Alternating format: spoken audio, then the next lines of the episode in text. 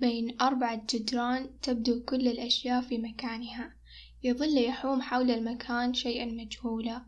ربما لا يدرك ماذا يكون وأحيانا لا يشعر بوجوده. ولكنه رف نسي أن ينظر إليه وهو في مكانه الذي ينتمي إليه حيث ينتظر صاحبه أن يلتفت ولو قليلا. أن يبحث عنه صاحبه من زاوية أخرى ليراه رف مختبئ ينتظر من صاحبه أن يسمح بوجوده. يمضي صاحبه أنه قد لا يكون شيئا يستحق التفات النظر إليه. ولهذا الرف مختبئ لأن صاحبه متردد ولا يعترف بوجود مثل تلك الرفوف في عقله. يخرج صاحب الرف المنسي تاركا ما يملك ليبحث في طرقات الغير عن شيء ينتمي له شيئا يجعله يشعر بوجوده في هذا الكون. مهما يحاول مرارا وتكرارا ينتهي به المطاف في طرقات لا يعرفها طرقات لم يراها من قبل. يخاف أن يتيه في هذا الكون الواسع فيعود مسرعا إلى نفسه. ولكن ما أن يعود؟ يرى كل ما حوله فارغا ومملا إلى حد يجعله ينظر إلى نفسه بنظرة مثيرة للشفقة. يشكو عقله دون توقف تلتهمه الأفكار واحدا تلو الآخر. التناقضات الذي بداخله يجعله شخصا لا يستطيع التعرف على نفسه. هل هو هذا أم ذاك؟ فيتوقف في مكانه ساكنا لا يستطيع الحراك إلا بصعوبة بالغة بينما كل من حوله يمضون في حياتهم بسرعة مخيفة. أهلا أنا شفاء وهذا البودكاست رف منسي في هذا البودكاست راح أشارككم كتاباتي وقراءاتي عن التفاصيل المنسية المختبئة في عقولنا وشخصياتنا. سميت هذا البودكاست بهذا الاسم لأني أؤمن أن بداخل عقل كل إنسان مثل هذا الرف. رف نسي أن ينظر إليه من زاوية أخرى حتى أوهم نفسه وعقله باستحالة وجود شخصية أو نسخة يستطيع أن يكون عليه. في هذه الحلقة راح أتكلم عن النفس اللي تخبأ كل الرفوف عنك لأنك ترفض فكرة وجودها فيك. هذا الرف الممسي ممكن يكون أي شيء في حياتك سواء كان شخصية عقلية تود اكتسابة شعور فكرة أو حتى إمكانية إنك تسوي شيء وتطول القائمة أكثر وأكثر. وهذا الرف المنسي أعتبره رف صغير مختبئ داخل عقلك. ممكن يكون هذا الرف طرف خيط لما ترغب في الوصول إليه. لكن مشكلتنا الأكبر إننا نهرب من مواجهة مشاعرنا. أفكارنا اللي دائما تلاحقنا في حين إن بعض الأفكار اللي تلاحقنا هي نفسها اللي ممكن إحنا ندور عليها. وسبب تجاهلنا لأفكارنا ومشاعرنا هو لأننا نجهل باطن هذه الأفكار أو لأن يصعب التعامل معها. من الوهلة الأولى تبدو وحشية لكنها تحمل في طياتها الكثير من الأشياء اللي ما راح نلاقيها بالمواقف والمشاعر المبهجة في حياتنا. طيب لو سألتك أنت وين واقف بالضبط في حياتك؟ في أي محطة الآن والرحلة رقم كم؟ هل تقدر توصف وجهتك القادمة قبل ما نبدأ نقرر نسلك مسار جديد في حياتنا لازم نسأل أنفسنا الكثير من الأسئلة اللي توضح معالم الطرق اللي نسلكه بحياتنا. ليه؟ لأنك لو ما تعرف الطريق اللي أنت فيه راح تضيع في غابة كبيرة تحكمها القرارات العشوائية من كل صوب. وببساطة لأنك ما تعرف وجهتك ولا معك بوصلة الطريق اللي توضح لك. هل أنت متقدم أو في الخلف ولا ساكن في مكانك لا تجرؤ على حركة واحدة؟ أسأل عن نفسك عن حالك. بخير لا. طيب ليه؟ مو عارف ضايع متشتت. في المرات الأولى غالبا ما تقدر تحدد بالضبط شعورك وأفكارك وهذا الشي ممكن يكون مزعج وإنك تدخل في دوامات كثيرة لأنك بس سألت. لكن إنك تسأل نفسك عن حالها وما تخليها في الهامش أهم وأفضل بكثير من إن شعور ورا شعور وأفكار وتتعقد الأمور أكثر ويصير كومة كبيرة ما تقدر تتخلص منها. ممكن تحس إن ترتيب أفكارك ومشاعرك فعلا صعب التعامل معها صاخبة كثيرة وعشوائية. لكن هذا الانطباع عن أفكارك ومشاعرك هي اللي غالبا تركت هذا الكم الكبير من الفراغ بينك وبين نفسك. فلو تخلي السؤال عن نفسك وأفكارك ومشاعرك أولا عادة عندك راح تفرق كثير. ليش أخليها عادة؟ لأن كل مرة أنت تسأل نفسك مخك حيحاول يجاوب على تساؤلاتك. ولما تكرر هذا الشيء مخك حيجتهد أكثر لأنك مصر إنك تفهم نفسك. فيحاول يوضح لك معالم أفكارك ومشاعرك. شي واحد تسويه إنك تحاول تفهم نفسك. وهذا راح يأثر على المدى البعيد في حياتك في وظيفتك دراستك اتخاذ قرارات صغيرة وحتى مصيرية. تعاملك مع الآخرين تعاملك مع أكثر الأشخاص استفزازا في حياتك راح يأثر في كل جانب من جوانب حياتك. أسأل نفسك بأي وقت تقدر تنشغل فيه شوي مع أفكارك حتى وأنت تناظر لسقف غرفتك قبل لا تنام. أسأل نفسك كيف كان يومك؟ إيش الأشياء اللي أنت ممتن لها وصارت بيومك؟ وإيش الأشياء اللي تحتاج إعادة نظر منك أو تقدر تعدلها في نفسك. أخطأت في شيء سامح نفسك ولا تجلدها وتلتهمها بحكمك على نفسك بكلمات قاسية داخل عقلك. وإنت تجاوب على نفسك لاحظ أجوبتك عشان تقدر تقيم أفكارك ومشاعرك. هل هي أفكار سلبية وإيجابية خليك صريح مع نفسك وهذه نقطة مهم مرة مهمة. ليه؟ لأن أحيانا ممكن أنت تجاوب على سؤال باقي ما صرت هذا الشخص. وإنما بتكون عليه مستقبل وهذا ممكن يكون زي إنك تحاول تطلع كل شي جيد فيك بأفضل صورة.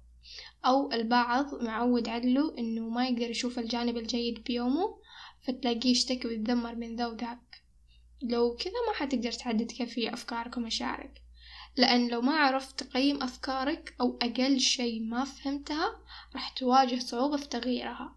ليه؟ لأن مخك ما راح يغير أي فكرة بدون ما يقتنع بأن هذا الشي تغيره لسبب معين زي لما نحاول نغير عادة مو كويسة.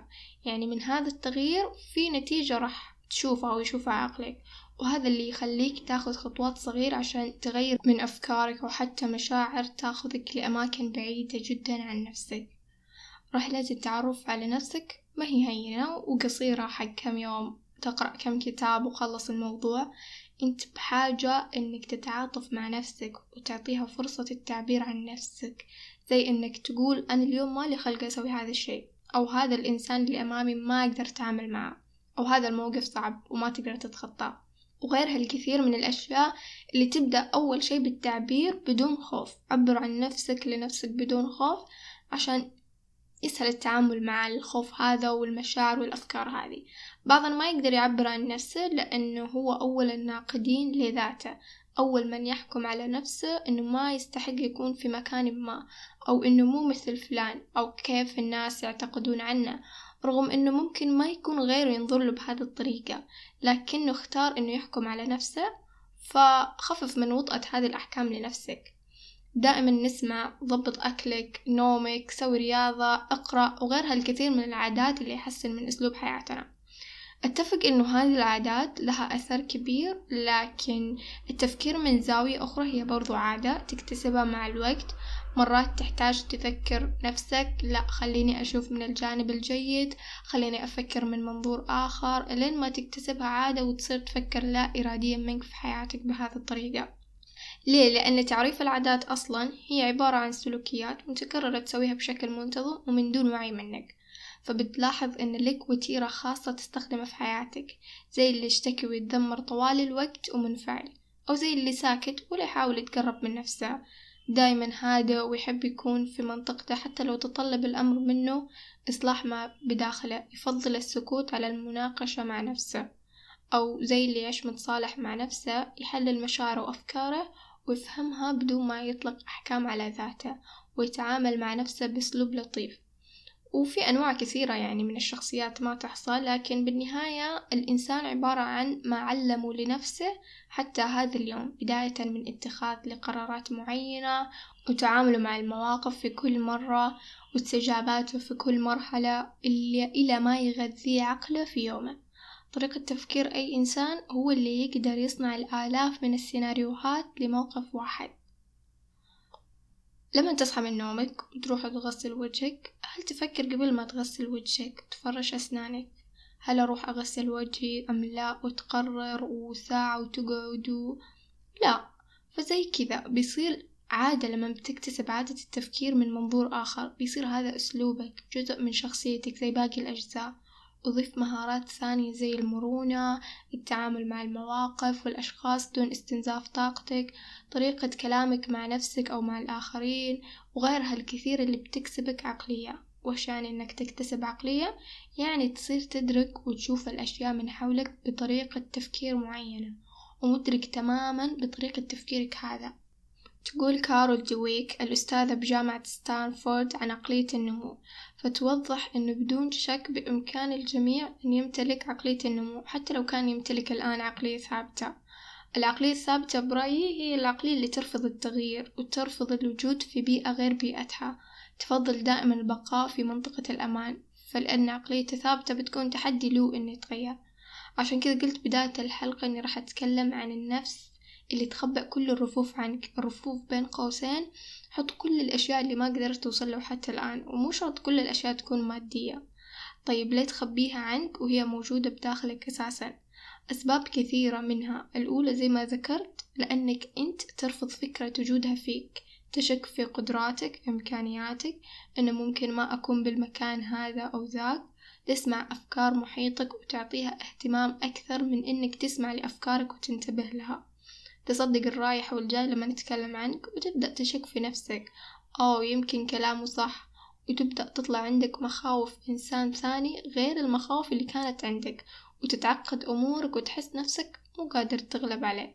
أحيانا تمر علينا مواقف من المرات الأولى تستعصي علينا فهمها والتغلب عليها. في مثل هالأوقات أسمح لنفسك تحس بكل المشاعر وتسمع كل الأفكار.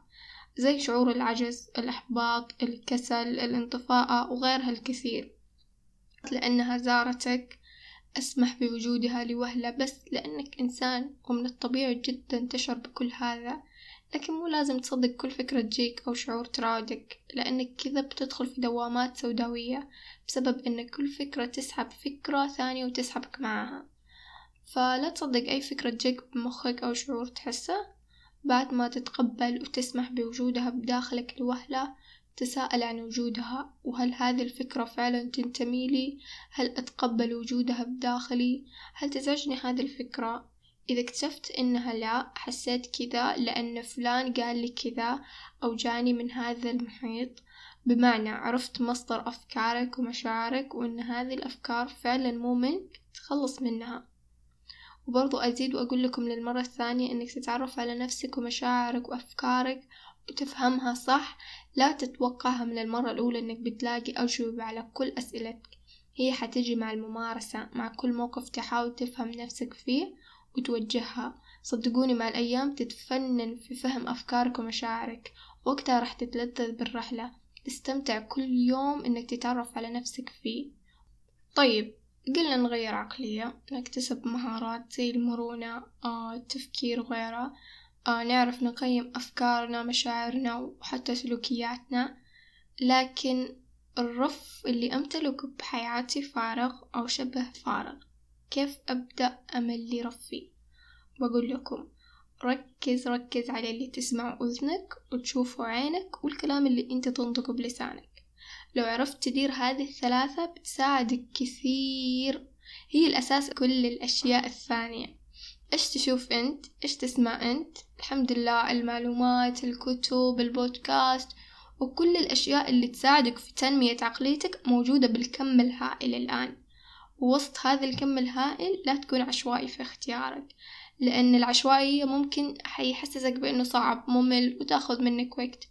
يعني ابدأ خطوة خطوة أسأل نفسك إيش أكثر شي حاليا أبغى أحسنه في نفسي؟ ركز عليه وخذ كل يوم خطوات بسيطة توصلك للنسخة اللي أنت تبغاه من نفسك. عقلك عبارة عن قالب تمليه بكل الأشياء اللي راح تعطي شكل ونتيجة في النهاية والكلام اللي أنت تقوله خلال يومك. كيف طريقة كلامك؟ إيش تقول إذا مريت بموقف عصيب؟ الكلام اللي تقوله لنفسك ولغيرك له تأثير كبير جدا على طريقة عمل مخك. راقب كلامك وشوف هل دايما تشتكي أغلب أوقاتك منفعل تلوم الطرف الآخر تلوم نفسك مستنزف وما عندك طاقة وغيرها الكثير من المشاعر اللي حتعرفه من خلال طريقة كلامك في يومك. وبنهاية الحلقة حابة أقول لكم أن التعرف على أفكارك ومشاعرك رحلة طويلة تحتاج منك صبر وتعاطف معها واهتمام. لكنها رحلة ممتعة. كل محطة راح توصله بتلاقي فيه أشياء ما كانت موجودة بمحطاتك السابقة في حياتك. اسمح لنفسك يعبر عن نفسه والتفت للرف اللي نسيته بداخلك لأسباب كثيرة. لا تنسون تقيمون البودكاست على أبل بودكاست لمشاركة آرائكم أو أسئلتكم. بتلاقون حساباتي في وصف الحلقة. وإلى لقاء قريب بإذن الله.